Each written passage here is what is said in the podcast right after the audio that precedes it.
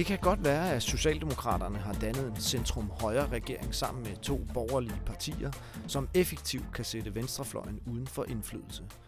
Men så er det måske tid til at rette fokus ud af Christiansborg, ud mod organisationerne og befolkningen og alle de andre, der ønsker en mere ambitiøs omstilling i retning af et bæredygtigt samfund. Og så kan de jo hjælpe til med at lægge pres på regeringen. Sådan siger Alternativets politiske leder Franziska Rosenkilde i arrangementrækken Venstrefløj Hvad nu? her i Informationsforsamlingshus. Jeg hedder Anton Geist. Sidste gang havde jeg besøg af Pia Olsen Dyr fra SF. Næste gang får jeg besøg af enhedslistens Maj Villersen. Og denne gang er det altså Franziska Rosenkilde. Vi taler om, hvordan hun og Alternativet vil presse regeringen i en mere grøn retning på klimaområdet, og så runder vi også lige de verserende diskussioner om oprustningen af forsvaret og om store bededag. Det hele er optaget i informationskantine foran et live-publikum. Derfor kan lyden af og til skræmme lidt, men det er jo kun hyggeligt. God fornøjelse. Jamen, velkommen i informationskantine, eller forsamlingshus, som vi øh, kalder det ved den her slags lejligheder. Uh, jeg hedder Anton Geist, og uh, eftermiddagens hovedperson, det er dig, Franziska Rosenkilde, politisk tak. leder af Alternativet. Velkommen. Tak du have. Tak fordi du vil komme. Tak, tak for invitationen. Selvfølgelig. Vi skal i dag uh, tale om uh, venstrefløjen og, og, og hvad venstrefløjen skal stille op nu, hvor Socialdemokraterne er gået i regering med to øh, borgerlige partier, en flertalsregering, som jo effektivt kan sætte venstrefløjen uden for indflydelse. Øh, så man kan sige, Francisca, det, det helt overordnede spørgsmål til dig her i dag, det er altså, hvad så nu venstrefløj? Øh, ja, det er et stort spørgsmål at skulle svare på, ikke? Ja, heldigvis også rimelig god tid. øhm, men før vi begynder at tale om den her valgperiode, øh, så, så synes jeg lige, vi bør dvæle et øjeblik ved den succes, som I jo faktisk havde øh, ved valget i efteråret, øh, hvor rigtig mange på forhånd havde dømt jer ude. Jeg sad lige og kiggede her. Øh, der er en, øh, og jeg skal nok komme til os selv, øh, der er en øh, politisk analyse af Erik Holstein fra Altinget, som skriver her, og det er alligevel det er ikke så mange år siden, han skriver, en hver kan se, at partiet nu under ingen omstændigheder kan køre videre. Der er 0% chance for, at det kan overleve. Det er den definitive begravelse af Alternativet. og, øh, og vi må også gribe i egen barm, fordi, øh, hvad hedder det, øh, vores politiske analytiker, Lars Trier Mogensen, han var øh, på samme linje faktisk. Og det læste du jo op af på valgaften, det kan jeg godt forstå. Øh, øh, redningen kom for sent, skriver han, da Franziska Rosenkilde i vinteren 2021 trådte til som politisk leder af Alternativet, var projektet for længst kørt af sporet. Og han skriver, at øh, den sidste muikaner desværre er blevet sendt ud til på en umulig mission. Det var, det var hvis dig, der var den sidste muikaner. Men det var jo ikke nogen øh, umulig øh, vision. Øh, I øh, fik jo faktisk et rigtig godt og overraskende godt valg. I fik et mandat mindre end de radikale, og et mere end Dansk Folkeparti. Øh. Og et mere end vi gjorde i 19. Ja, præcis. Og du fik personligt et rigtig godt valg. Næsten 16.000 stemmer i Københavns Storkreds. Yes. Ja, du er... Jo, tak. Jeg fornemmer, du er på hjemmebane. øhm, det var, øh, det var vist kun Pia Olsen Dyr, der, der overgik, der er politikere i, i den valgkreds. Øh, og mit spørgsmål er bare, hvordan analyserer du det her? Kom det bag på dig, øh, det her gode valg? Nej, selvfølgelig gjorde det ikke det. øh, jamen, øh, jeg var jo også meget øh, opmærksom på de her udtalelser selvfølgelig. Øh, og da jeg blev øh, valgt som politisk leder for øh, lige godt to år siden, der var vi jo et kritisk sted. Det ville være øh, øh, useriøst at sige andet. Øh, og der var øh, ikke ret mange, der tog på, på, på projektet. Men det gjorde jeg, og, øh, og heldigvis også nogle flere i Alternativet. Det gjorde vi jo fordi, at, øh, at det er bare det bedste politiske projekt, der er i dansk øh, politik i al ydmyghed. Og, øh, og derfor så, øh, så var det jo sagen, der var værd at kæmpe for. Øhm, og så øh, have tilliden og modet til, at, øh, at vi er nødt til at skabe en bæredygtig forandring af vores samfund. Og, øh, og at, øh, de andre partier, der i mere eller mindre grad øh, ønsker at fortsætte, som det er, øh, det ved vi bare, det, øh, det kan vi ikke. Så, øh, så det var en, øh, en, en fast beslutning, beslutning på, at øh, vi har bydende øh, brug for en forandring, og helt personligt havde jeg det sådan, at hvis jeg ikke skulle arbejde for et bæredygtigt samfund, hvad fanden skulle jeg så arbejde for? så. Øh, hvad med det her med, at de pludselig fik så meget medvind fra de andre partier. Altså, øh, Socialdemokraterne talte jeg op, og resten af Venstrefløjen talte jeg op. Det var også som om, at de pludselig blev bange for en situation uden alternativet. Ikke? At I kunne være dem, der kunne sikre et rød-grønt flertal, forestillede sig de så, og de, I kunne også være dem, der, der gjorde, at det ikke blev muligt. Ja, altså der sker jo sådan nogle sjove ting i en valgkamp. Øh, jeg vil sige, op til, øh, jeg havde sådan en fast beslutning på, øh, at hvornår valget blev udskrevet, det, det kunne jeg jo ikke kontrollere. Så jeg var nødt til bare at have dyb tillid til, at det kommer på det fuldstændig rigtige tidspunkt for Alternativet. Og så ellers lade det ligge.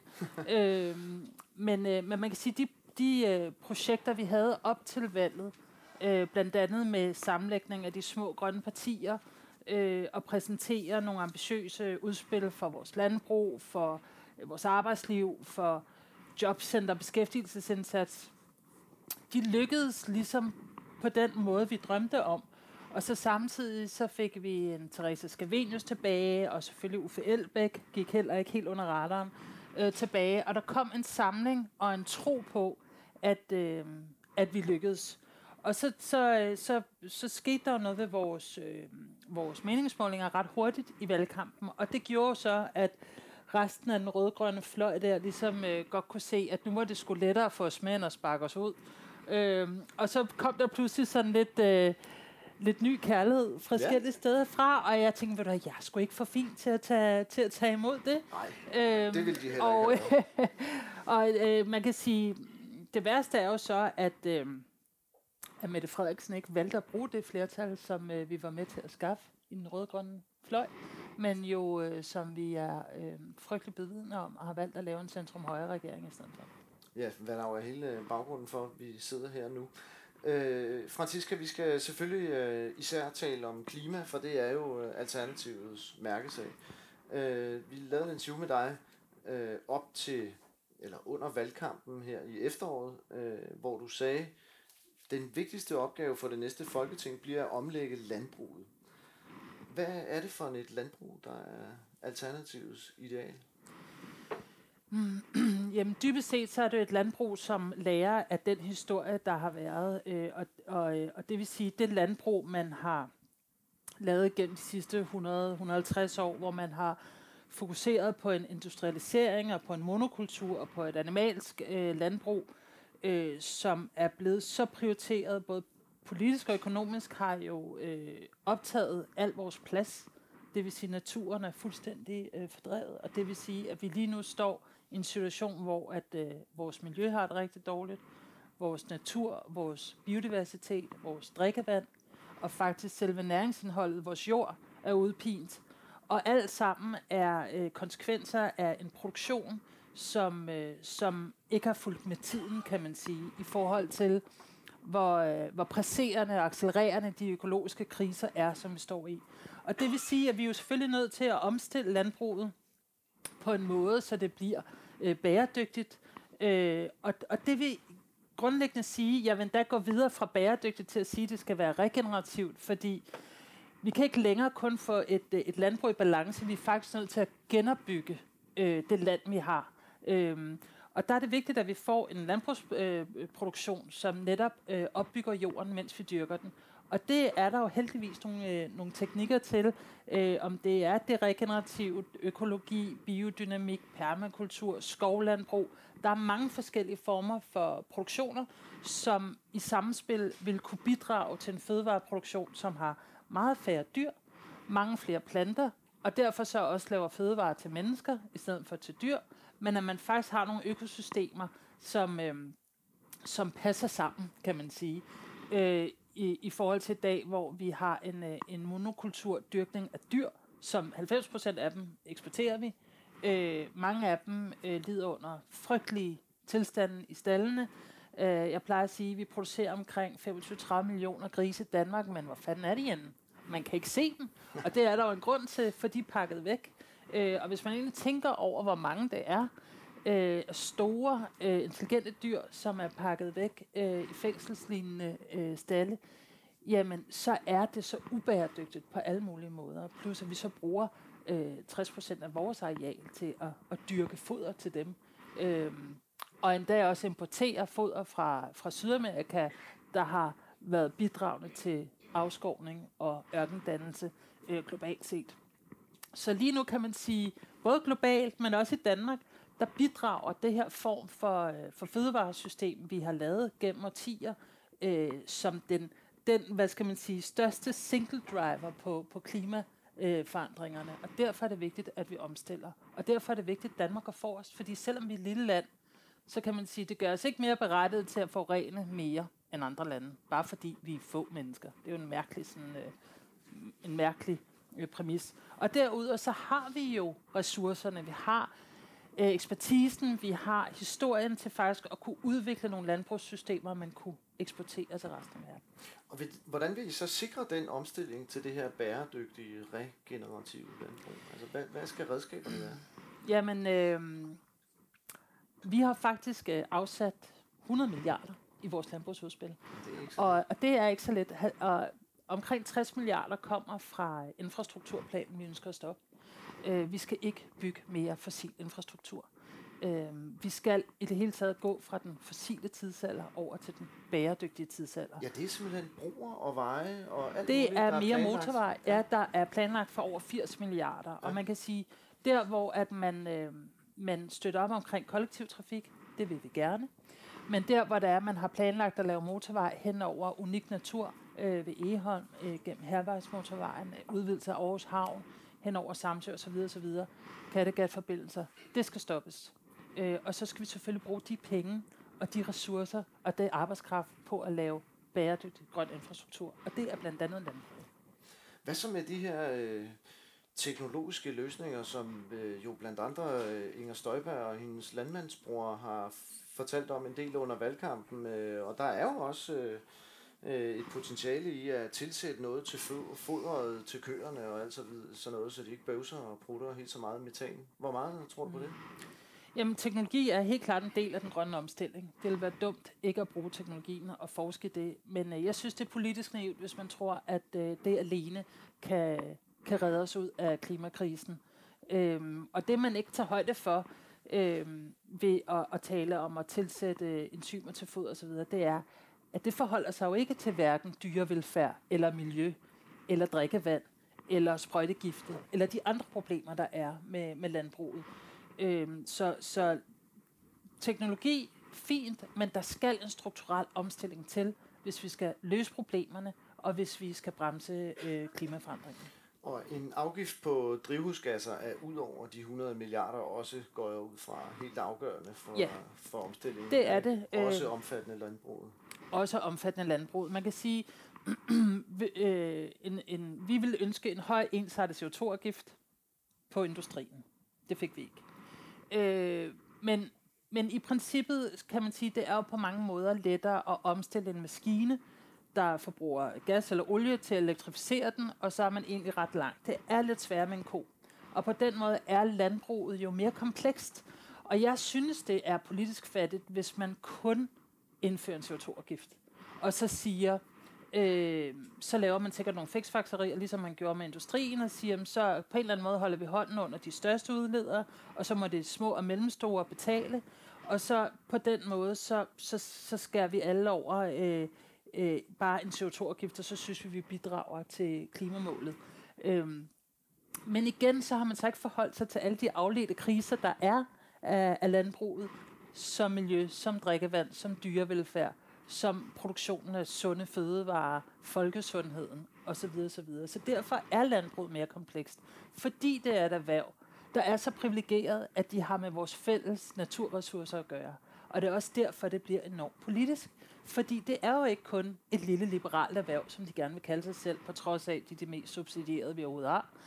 Øh, men det er jo et erhverv, der rent faktisk har konsekvenser for vores fælles øh, naturgrundlag, vores ressourcer, og derved også vores fremtid, og ikke mindst næste generationers fremtid. Så hører der faktisk være lidt kritisk over for øh, CO2-afgiften, eller afgiften på drivhusgasser, bare at overføre den på landbruget? Det Nej, men den er god. advarer du imod. Nej, jeg, jeg advarer imod, hvis det er det eneste, man gør. Ja. Fordi så vil, man ikke, øh, så vil man ikke løse problemerne. Men det er et værktøj i den strukturelle øh, omstilling. Og især fordi man kan sige, landbruget har jo gennem de sidste 15 år overhovedet ikke reduceret øh, CO2 overhovedet. De har haft alle de her, øh, de- de beder jo meget nu om tillid til, at de selv kan, og det lyder også meget fint, men den tid er ligesom forbi. De har haft tid til at omstille sig frivilligt. Øh, vi mangler stadig at få jord, øh, lavbundsjord ud. Vi mangler stadig at omstille til økologi.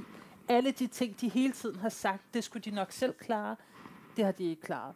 Og så har vi en CO2, øh, en CO2-udledning, som ikke har ændret sig de sidste 12-15 år. Og det vil sige, nu må der så nogle øh, politiske greb til.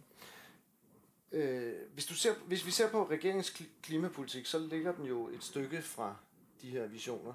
Jo. Øh, hvad er din analyse af den klimapolitik, som regeringen indtil videre har lagt frem? Øhm, jeg synes, øh, det der, vi i hvert fald kan tage med os hjem, det er, at Mette Frederiksen var aldrig grøn.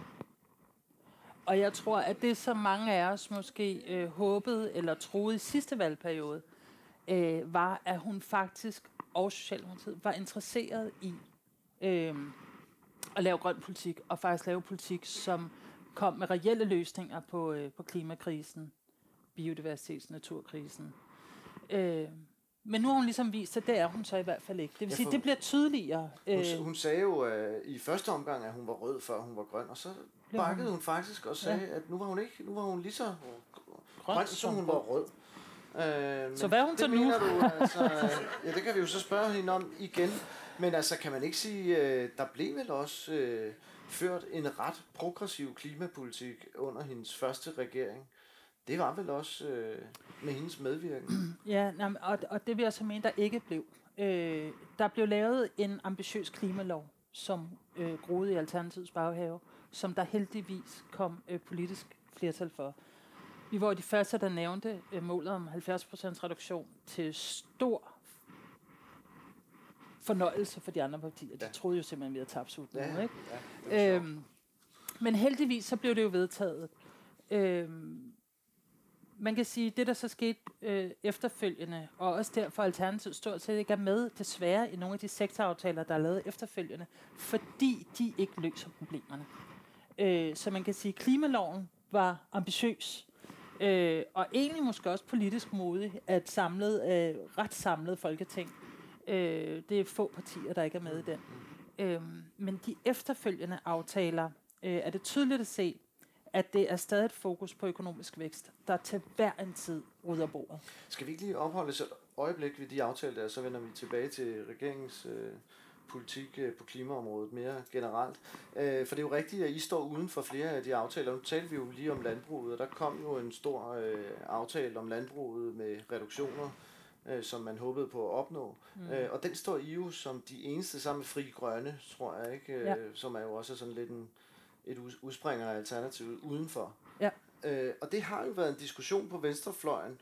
Hvornår skal partierne gå med i forlig, som de egentlig ikke er 100% enige i, for at forsøge at trække dem i den progressive retning? Det er meget SF's position, kan man sige, i, i forbindelse med mange politiske aftaler og forlig. Og hvornår skal man i højere grad stille sig udenfor? Og der har Alternativet og Enhedslisten været lidt mere radikale. Mm. Øh, kan SF ikke have en pointe i, at man nogle gange skal gå med i nogle aftaler, som man egentlig ikke er 100% enig i, men fordi man gerne vil trække dem i den rigtige retning? Jo, men jeg synes, det er en fejl at gøre det hver gang, som SF gør. øh, fordi at øh, det er klart, det her med at gå med ind i, i nogle forhandlinger og prøve at trække noget i en retning, det er jo det, politik dybest set handler om øh, langt hen ad vejen. Og at det er jo også øh, kompromiser øh, tit, som man, øh, som man lander på. Der er bare øh, nogle emner, nogle temaer, hvor man ikke kan gå på kompromis. Og for Alternativet, der er det klimadagsordenen. For det er ikke som sådan et politisk, ideologisk ståsted. Det er videnskab. Og i den sammenhæng, der må man bare sige, vi er nødt til at lytte til videnskaben. Det handler ikke om, at, øh, at vi går på kompromis, og så får Venstre lidt noget med, så får SF lidt noget. Det her, det er, at hvis vi ikke forholder os til de her kriser nu, så ændrer vi vores eksistensgrundlag for evigt. Men kunne man ikke sige, at netop fordi det er så vigtigt, så må man gå med, og så må man tage de 1-2 øh, procent, man kan få øh, i ekstra øh, reduktion af udledninger i sådan en aftale der. Altså nu sad jeg i de der landbrugsforhandlinger. Jeg var lige valgt som politisk leder, og det var egentlig første gang, at jeg var i, i forhandlinger på Christiansborg. Øhm, og, øh, og jeg var rigtig optimistisk og tænkte, nu skal vi øh, lave en øh, landbrugsaftale, der virkelig rykker, fordi øh, landbruget har jo et kæmpe potentiale for at være en super vigtig medspiller i, øh, i den bæredygtige omstilling, og sikke mange muligheder der er. Øh, lige indtil at, øh, at jeg øh, helt øh, måske naivt tænkte, at vi er da nødt til at diskutere den animalske produktion, og så blev der bare stille rundt om det bord der. og jeg tænkte, det kan da ikke være rigtigt, vi kan da ikke sidde og diskutere landbrug og klima uden at tale. Og, der blev, og jeg kunne se på sådan mine venner, mine rødgrønne venner, at øh, det er altså ikke noget, vi taler om ved det her bord her. Og det kom meget bag på mig, at der... Øh, jeg oplevede ikke, at der rent faktisk var en øh, vilje til at løse problemet, men mere at lave en politisk aftale, hvor alle lidt kan se sig i det. Og, og der må man bare nogle gange træde, altså sætte fod ned og sige, det her kan vi ikke være med til. Det bliver ikke på vores mandater, at man laver noget øh, så ukonkret, øh, som hverken løser problemet står i, giver heller ikke en retning til erhvervet om, hvilken vej de skal gå. De er stadig i tvivl og usikre på, øh, bliver det pyrolyse, bliver det CO2-afgift. De ved det ikke.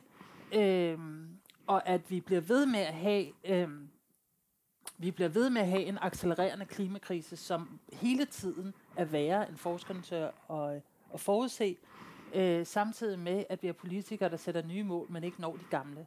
Så på et eller andet tidspunkt er man nødt til at sige, øh, det kan vi ikke være med i med vores mandater. Og det var sådan, jeg havde det der med den landbrugsaftale.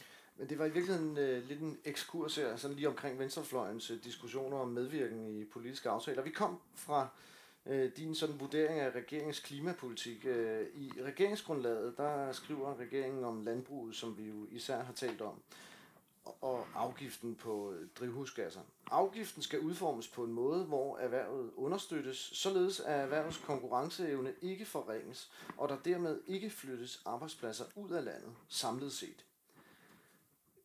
Kan der ikke være en pointe i det her med, at landbruget, øh, hvis de bliver pålagt for hårde øh, afgifter øh, på udledning af, af drivhusgasserne, så ender det med, at arbejdspladserne og, og jo dermed også udledningerne flytter til udlandet. Har, pointen, øh, har regeringen ikke fat i noget her?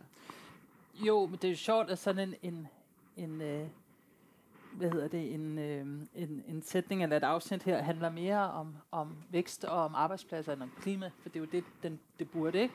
Men, øh, men, men det, der er jo nogle myter i det her. Den ene myte er hele det her lækage øh, problem med, at så rykker øh, udledningerne en til en til udlandet. Og det har selv det Miljøøkonomiske Råd jo skudt en hvid pil efter. Altså det er måske 30 procent, og så har vi altså stadig 70 procent, der ikke bliver udledt. Så det kan altid bedre betale sig ikke at forurene, end at forurene.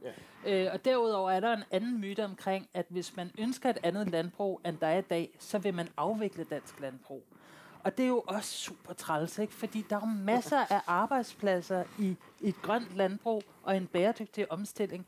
Så de ting, du påpeger, at regeringen skulle have fat i her, jeg tænker bare, at det er en fattig kreativitet, hvis man forestiller sig, at øh, der kun er arbejdspladser i det samfund, vi kender i dag, men at hvis man udvikler på det og omskoler og investerer, at der så ikke skulle være arbejdspladser øhm, øh, og, og, og ressourcer i et bæredygtigt samfund og et bæredygtigt landbrug.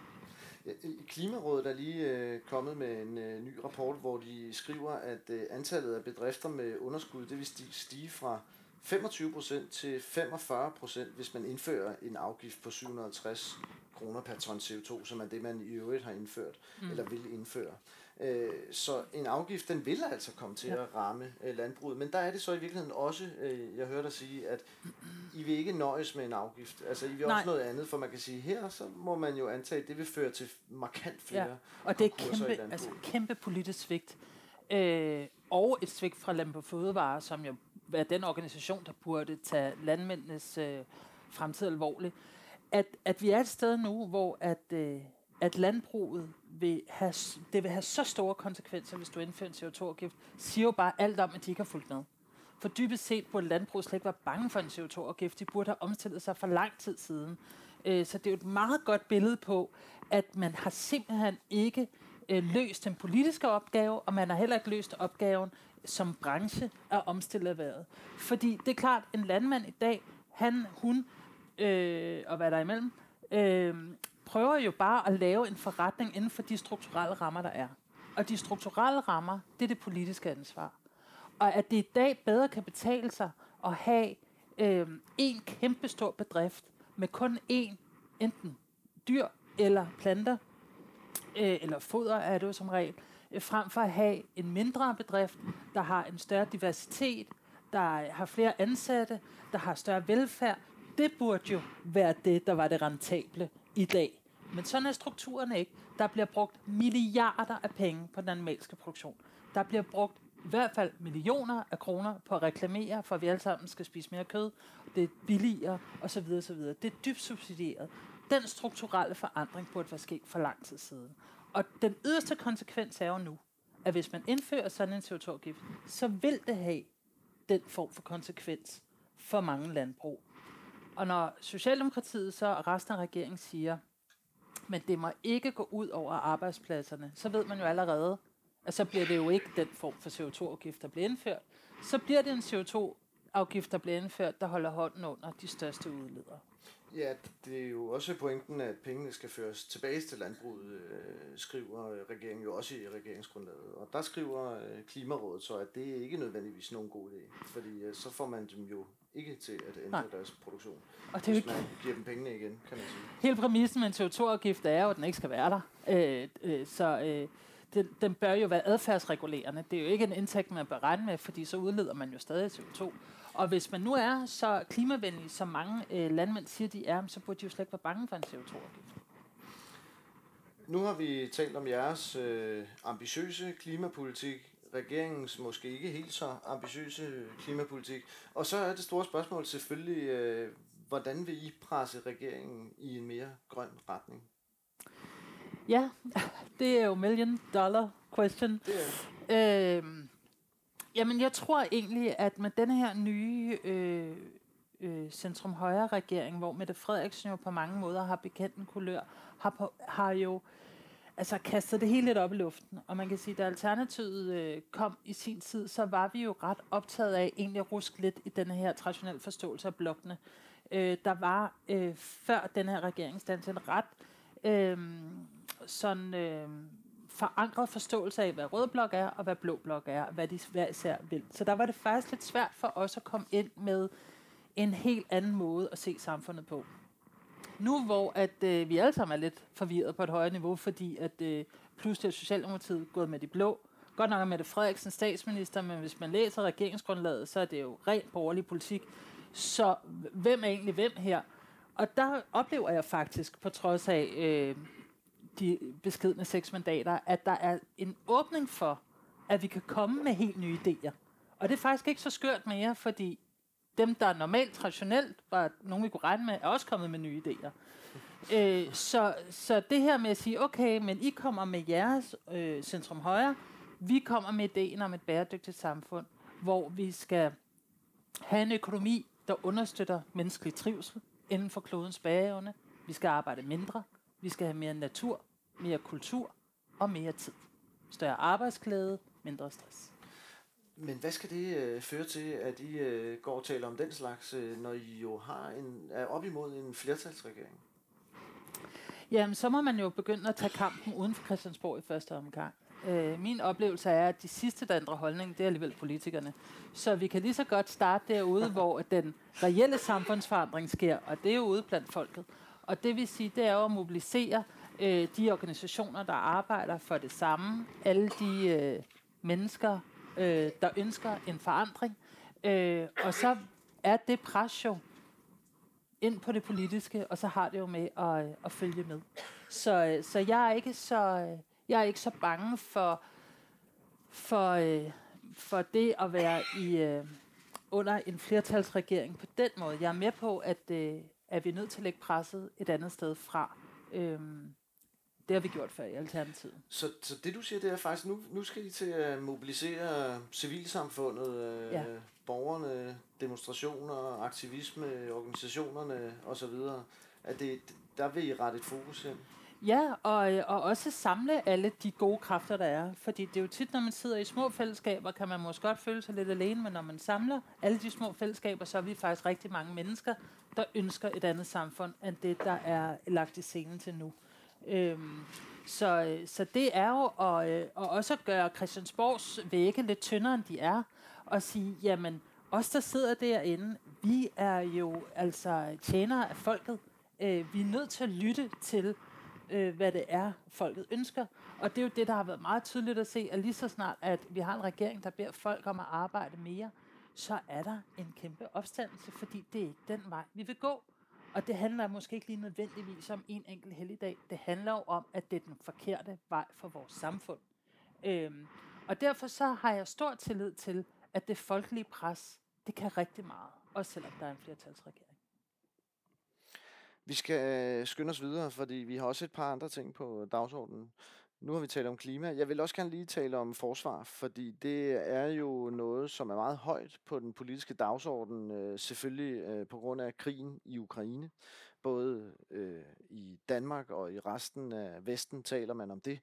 Øh, modsat SF, øh, hvis formand Pia Olsen Dyr, vi jo havde besøg af øh, her for nylig øh, i Informationsforsamlingshus, så var øh, øh, du og Alternativet jo ikke en del af det nationale kompromis, øh, der blev indgået sidste år. Det nationale kompromis, det var den her store forsvars- og sikkerhedspolitiske aftale, øh, man indgik, hvor man øh, besluttede, at nu vil Danmark begynde at bruge 2% af BNP øh, på forsvaret. Det er det, man har egentlig sagt øh, til NATO, at man vil bruge, øh, men man har bare ikke gjort det. Og nu forpligtede man sig altså med det nationale kompromis øh, til at begynde at betale 2, eller det, der svarer til 2% af BNP.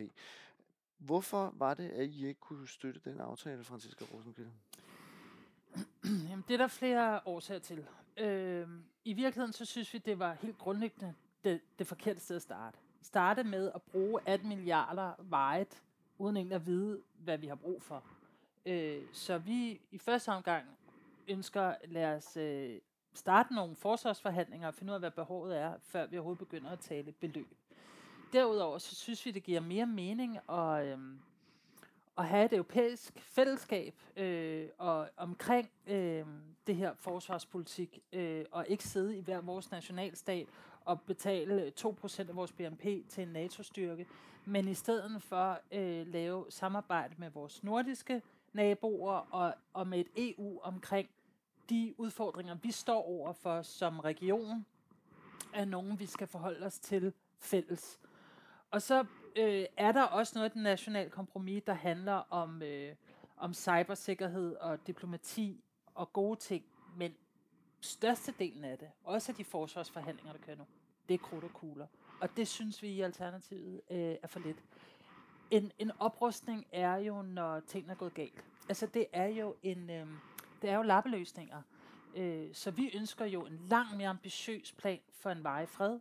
Vi ønsker, at øh, man har en forebyggende tilgang til krig. Kig øh, Balkan lige nu.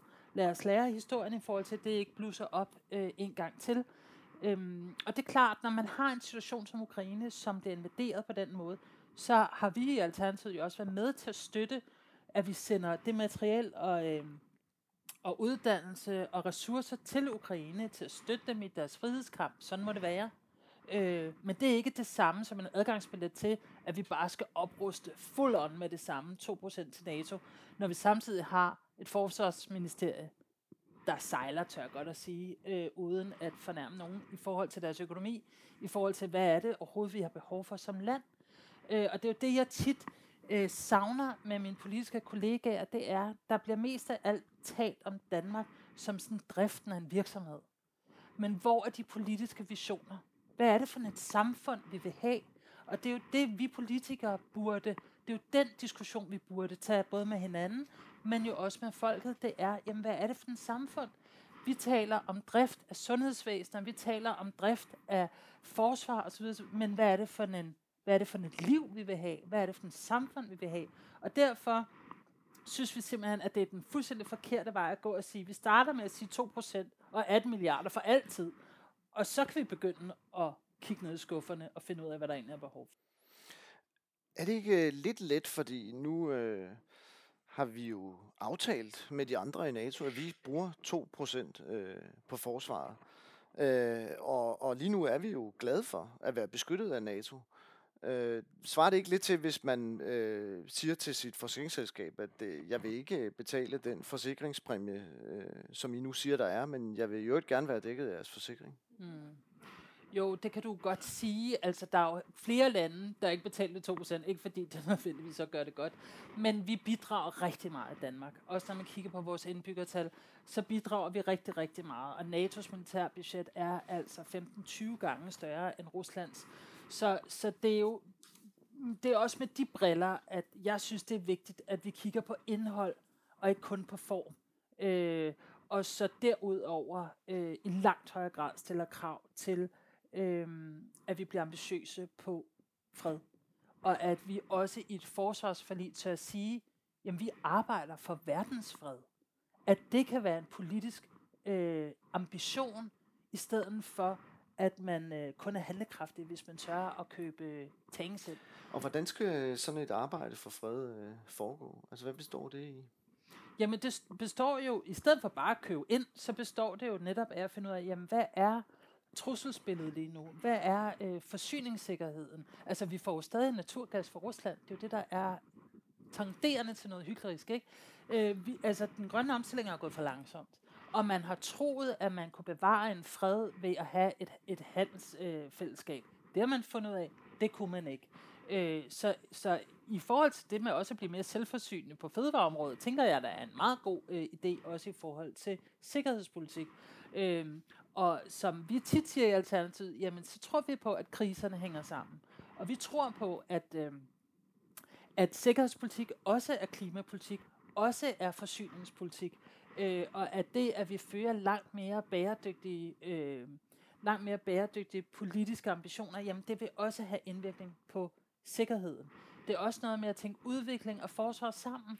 Hvis vi genopbygger og genopbygger mange af de nærområder, der har været fuldstændig altså, øh, nedprioriteret gennem flere års kriser. Altså kig nu på Syrien, som er, er udsat for det her jordskæld. Det er jo et land, der igennem tørke og borgerkrig er fuldstændig nedslidt, så de har jo ingen ressourcer til at stå imod øh, sådan en, en, en naturkatastrofe, de står i nu.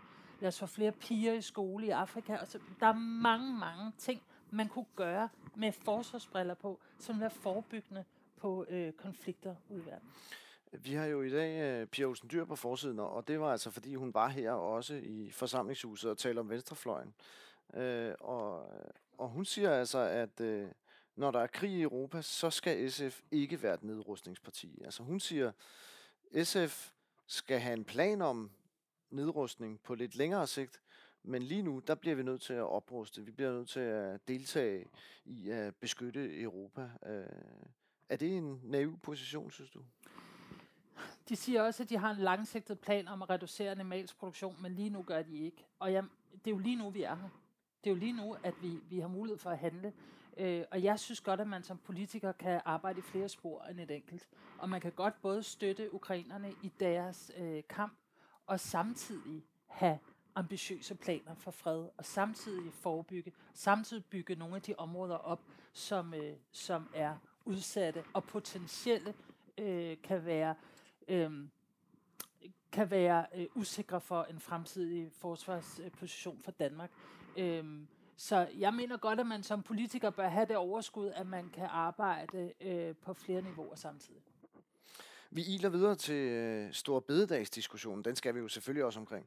Øh, og den hænger jo faktisk sammen med forsvar, øh, som vi lige kommer fra. Fordi øh, det er jo sådan, at i hvert fald ifølge regeringen, øh, så er der jo et såkaldt kryds mellem Stor Bededag og forsvaret. Altså, for at kunne bruge flere penge på forsvaret, så skal vi lave Stor Bededag om til en arbejdsdag. Vi bruger pengene øh, derfra på forsvaret. Der er nogen, der griner her. Øh, og øh, ja, hvad hedder det? Øh, det kan man jo mene. Øh, og det, det tror jeg også, øh, at faktisk du mener, øh, Franziska Rosenkilde. I er jo øh, ret markant imod denne her idé. Øh, hvorfor er det egentlig så slemt? Jeg tror til at starte med, og måske også derfor, man får lidt et smil på læben, det er fordi hele narrativet omkring, at, øh, at man siger, at der er kun én måde at finansiere forsvaret på, det er ved at inddrage en helligdag. Altså, det ved folk jo godt, det ikke passer. Øh, ja, når man samtidig tror, letter topskatten, så øh, kan ja, det godt blive lidt svært. Det er ja, det. Altså, ja, jeg ja. tror simpelthen, at øh, det kom bag på øh, regeringen, at øh, folk havde det sådan lidt, ah, come on, altså, vi, vi, vi er der med så langt, at finansiering kan man finde mange forskellige steder. Det er der jo ikke kun én måde at gøre det på. Øhm, så kan man jo så diskutere, om, om man synes, vi skal arbejde mere eller mindre, og hele diskussionen om arbejdsudbud. Men, men de startede virkelig kluntet ud, må man sige, med, ja. med den fortælling der. Øhm, så var så, der hele det her med, at, øh, at de jo skriver i regeringsgrundlaget, at, øh, at de, vil, de vil gå meget op i god regeringsførelse, og de vil selvfølgelig sørge for at overholde høringsfristerne og sikre den gode lovkvalitet. Og høringsfristen den er på 30 dage, men det her det bliver altså udsendt med syv dages høringsfrist. Det, tyder jo måske ikke umiddelbart på, at de var meget optaget af, hvad andre måtte mene om det, øh, om det lovforslag. Og der var indgreb i den danske model osv. Men jeg kunne egentlig godt tænke mig øh, med dig at tale om selve substansen, som du lige sagde kort her, det her med arbejdsudbud. Altså, skal, hvad, skal vi arbejde mere, eller skal vi arbejde mindre? Øh, jeg, min antagelse er nok, at det er særligt der, det brænder for alternativet. Altså, øh, I har jo været fortalere igennem længere tid for fire dages arbejdsuge osv. Så, videre. så hvad tænker du om den del? Jamen, jeg tænker igen, øh, at den her regering, at det er tydeligt at se, at hele den her snak omkring arbejdsudbuddet er sådan en Christiansborg-øvelse, der viser, at man ikke fornemmer, hvad der sker ud i virkeligheden. Øh, fordi øh, der er en konklusion af, at vi mangler øh, personale i omsorgssektoren, vi mangler øh, personale øh, i den grønne omstilling, ergo må vi øge arbejdsudbuddet, ergo må vi arbejde mere. Og, og så sidder man, og så tænker man, ja, vi kan godt være med så langt, at vi øh, får nogle udfordringer i omsorgssektoren, og at der skal ansættes flere. Men kunne det ikke være spændende så at se på, hvorfor vil folk ikke arbejde i omsorgssektoren? Er det fordi, de arbejder for meget, for stresset, har for dårlige arbejdsforhold, for lav løn? Lad os bare starte der. Øhm, jamen, der er ingen, der søger ind på sygeplejeskolen. Der har været et fald på over 20 procent i år. Svaret er, i skal arbejde mere. Og så kan man jo spørge sig selv, må det er det, der motiverer unge mennesker for at søge ind på sygeplejeskolen? Næppe. Så for os er det vigtigt at sige, ja, vi kan godt kigge ind i den krystalkugle og sige, vi kommer måske til at mangle flere mennesker i omsorgssektoren, men så lad os øh, skabe igen nogle strukturelle rammer, der gør, at vi får arbejdsglæden ind i omsorgsarbejdet.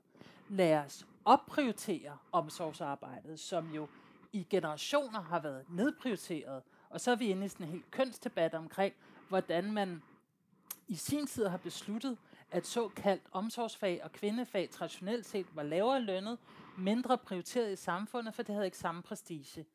Man kunne godt i 2023 måske omskrive den historie, og så sige, især på, øh, på, øh, på hælene af en pandemi, er der noget, vi rigtig meget har brug for, så er det en omsorgssektor, der fungerer. For vi har alle sammen brug for at, at blive taget sig af. Øhm, så er det ikke nu, vi faktisk opprioriterer omsorgsarbejdet og finder ud af, at det er, det er kærligheden, det er fællesskaberne, det er nærheden, som faktisk er det, der får vores samfund til at blomstre, og det vi har brug for.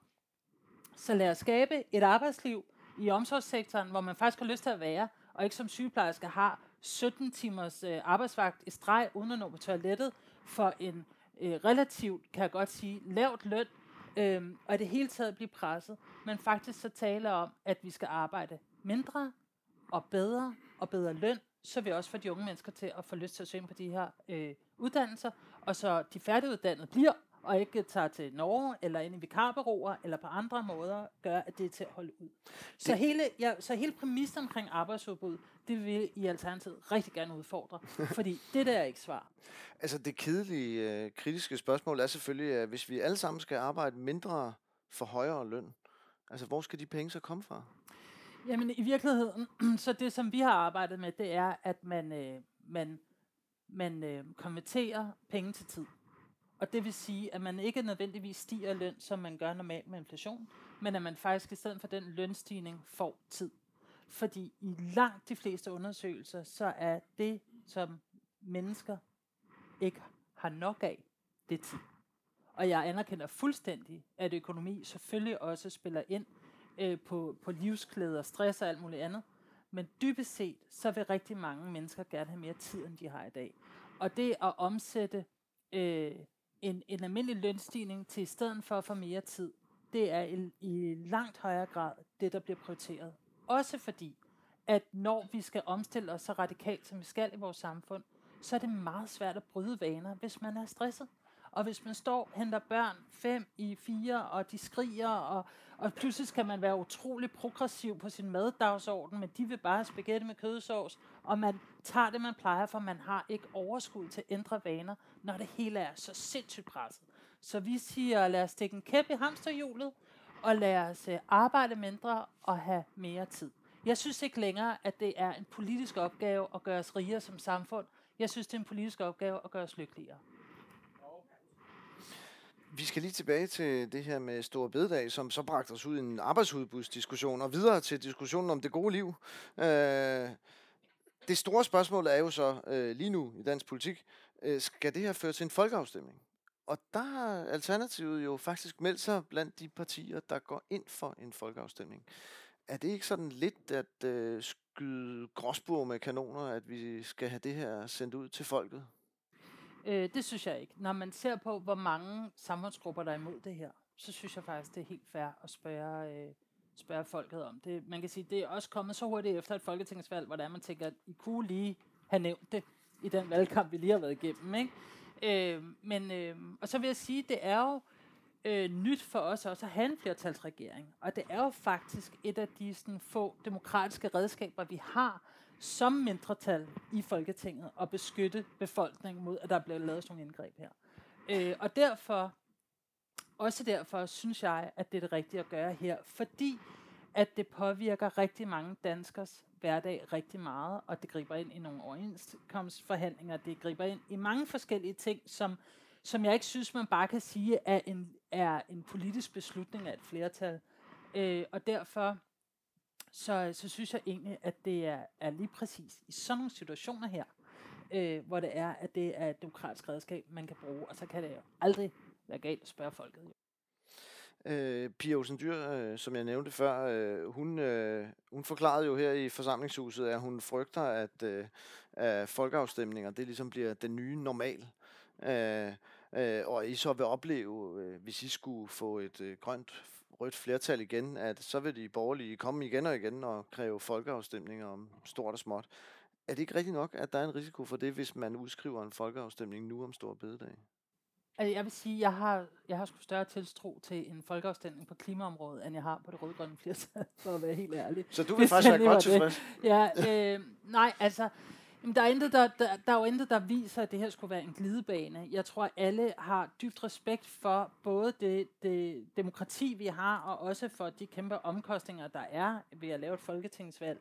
Øh, så det her, det er jo i, i forhold til, når noget griber så langt ind i så mange danskers øh, hverdag, en helt fagbevægelse osv., osv., at, øh, at så er argumenterne lige præcis til at bruge det her øh, redskab.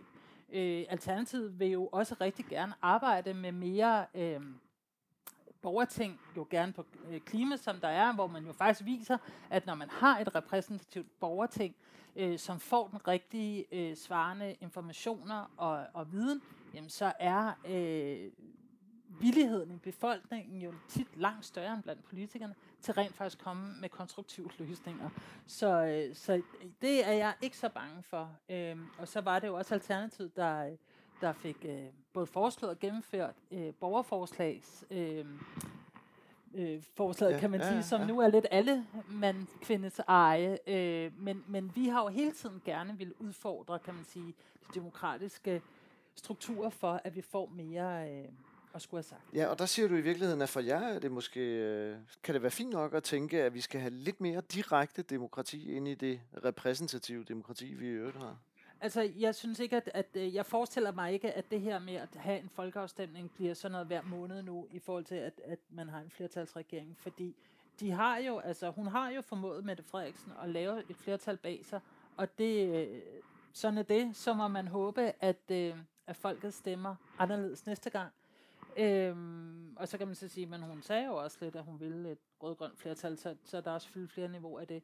Men, øh, men jeg synes ikke, at det principielt er galt at bruge de demokratiske værktøjer, der er i kassen, når det er, at vi oplever øh, et sådan brud på så mange aftaler, som går ind over så mange danskers hverdag. Nu er der ikke så meget tid tilbage, og øh, jeg vil også gerne give jer mulighed for at stille enkelte spørgsmål. Jeg synes lige, at vi her til sidst skal omkring det sådan meget overordnede spørgsmål, som er, hvor skal balancen for jer ligge imellem at være konstruktiv og kritisk opposition over for den her regering? Øh, ja, man kan sige, at Alternativet arbejder for et bæredygtig omstilling og for et bæredygtigt samfund. Og dem, der har lyst til at være med til det, dem vil vi rigtig gerne samarbejde med. Øhm, jeg tror, at hele klimadagsordenen, øh, det er sådan, at i Danmark har vi været med til at lave en rigtig ambitiøs klimalov. Og så er det også min fornemmelse, at så er der også en eller anden forventning til, at det må I så også fikse, altså fra folket til politikerne, så må I jo fikse det, som I har lavet en, en lov omkring. Jeg tror, noget af det, som bliver vigtigt for Alternativet nu, det er faktisk også at være meget mere optaget af miljødagsordenen, som jeg tror er, er også noget af det, som øh, danskerne er rigtig optaget af, som er vejen ind, kan man sige, i klimadiskussionen også. Vores drikkevand, vores jord, vores miljø, alle de giftstoffer, øh, der er i, øh, i vores øh, miljø. Danske børn, der tisser glyfosat ud, øh, mikroplast i vores blodår. Det er no joke, det her. Det er på det niveau nu, hvor det er, at vi skal øh, omstille, vi skal forbyde øh, rigtig mange af de giftstoffer, der er overalt i vores, øh, i vores økosystemer. Øh, så for os at se, så er miljødagsordenen øh, også nu øh, på niveau med, hvad klima måske var for Alternativet øh, i sidste valgperiode, så er miljø det i hvert fald også. Er det fordi, du tænker, at det er noget, øh, folk altså frygter på egen krop? At, at du tænker, det, det kan have en større impact simpelthen at lægge et fokus der? Ja, altså man kan sige, at øh, vi er jo så privilegerede på mange områder i Danmark, og vi er det også i forhold til klimaet. At øh, det er ikke sådan, at vi hver dag, når vi kigger ud, mærker klimaforandringerne, men det gør man jo altså rigtig mange andre steder i verden. Til gengæld så mærker vi måske konsekvenserne af vores øh, manglende miljøkontrol, øh, og at vi nu ser, hver gang der er drikkevandsboringer, så øh, bliver de enten øh, øh, blandet øh, eller lukket, eller øh, på anden, anden måde øh, overstiger nogle... Øh, nogle grænser. Øh, så det her, hvor vi måske før har vokset op med, også lidt taget for givet, at vi havde rent miljø, og vi havde bare drikkevand, når vi tænder for hænderne, det er troet, og det er voldsomt troet. Øhm, og så bliver det pludselig meget nært. Og det tror jeg, at der er rigtig mange danskere, der kan forholde sig til, og ønsker, at der er nogle politikere, der tager ansvar for. På denne alvorlige note, så vil jeg øh, springe videre til øh, øh nogle spørgsmål, og øh, jeg må lige appellere om, at vi øh, prøver at holde øh, spørgsmålene sådan relativt korte og relativt præcise. Øh, der er øh, nogle spørgsmål her. Øh, jeg tror, du var allerførst. Kan du, ja, vi er ikke så mange. Jeg tror, at du kan råbe os op. Jeg har et øh, spørgsmål til, øh, til arbejdsudbuddet. Jeg kan simpelthen ikke forstå, hvorfor det er et problem, at der bliver skåret ned på, øh, på dyreholdet ude i landbruget, og det vil koste arbejdspladser. Når industrien skriger på at få arbejdspladser, når vi oven i købet bliver udskrevet til tvangsarbejde mm. for at skaffe mere arbejdsudbud, er de overhovedet ikke omstillingsparate ude i, i øh, landbruget? Kan de ikke bruges til andet? Så, så hvorfor øh, bliver dem, der måtte miste deres arbejde i landbruget, som følger en høj CO2-afgift, hvorfor bliver de ikke ansat i industrien, hvor der er brug for arbejdskraft, lyder spørgsmålet? Jamen altså, jeg kunne ikke have sagt det bedre selv. øh, jamen det, og det er jo det, og vi vil endda gerne sætte øh, penge af til den omskoling. Øh, vi vil gerne være med til at, øh, at efteruddanne og, øh, og, og omskole de øh, bedrifter, som ikke skal være der mere. Øh, vi, vil, vi vil gerne være med på en jordbrugsfond, der opkøber øh, de konkurs. Jeg tror, det er omkring 120-150 bedrifter om året lige nu, der går konkurs. Så man behøver ikke engang at gøre noget. Man kan bare tage dem, der går konkurs, og så kunne man omskole dem. Så jeg forstår det heller ikke. Jeg kommer med en ganske kort opfølgning. Jeg smed, jeg smed Svend ude fra skibsværfterne, mm. ja. og vi hyldede nøjagtigt den samme sang, da værfterne blev nedlagt. Der er ikke én arbejdsløs med nogen steder. Nej. Altså, de dummere i Jylland. vi er... Men til gengæld, så vil jeg sige, og vi har jo lige haft det med minkerværet, ikke? Der gik ikke så lang tid, så begyndte man at sælge brød og alt muligt andet ud af de der gamle minkbuer, ikke? Og de fik så også lige 19 milliarder med. I, øh, det fik de så også, men, ja. men det er jo fair nok at give uh, penge med til den omskoling og den efteruddannelse, ikke? Og, og det er jo også fordi, at der sidder så stærk en lobby på hele landbrugserhvervet, som ikke har været med til at omskole og forstå, hvad det er for en virkelighed, vi står i. Altså, det er jo absurd, at man skal opfinde alt muligt mærkeligt foder og stalle og gyldetanke, i stedet for bare at ændre produktion. Således er vi altså desværre øh, nået til vejs ende. Vi er gået fem minutter over. Tak fordi du kom, Franziska Rosenkilde, og tak fordi I kom alle sammen. Tak. Tak fordi I kom. Og det var altså så interviewet med Franziska Rosenkilde i serien Venstrefløj, hvad nu? Man kan følge serien ved at abonnere på Informations Forsamlingshus, hvor vi løbende præsenterer optagelser fra avisens live-arrangementer. Man kan også overvære arrangementerne. Man skal bare gå ind på butik.information.dk. Og det kunne man jo passende gøre til næste arrangement i Informationsforsamlingshus, hvor jeg har besøg af ingen ringer end enhedslistens politiske ordfører Maj Villassen. Vi høres ved.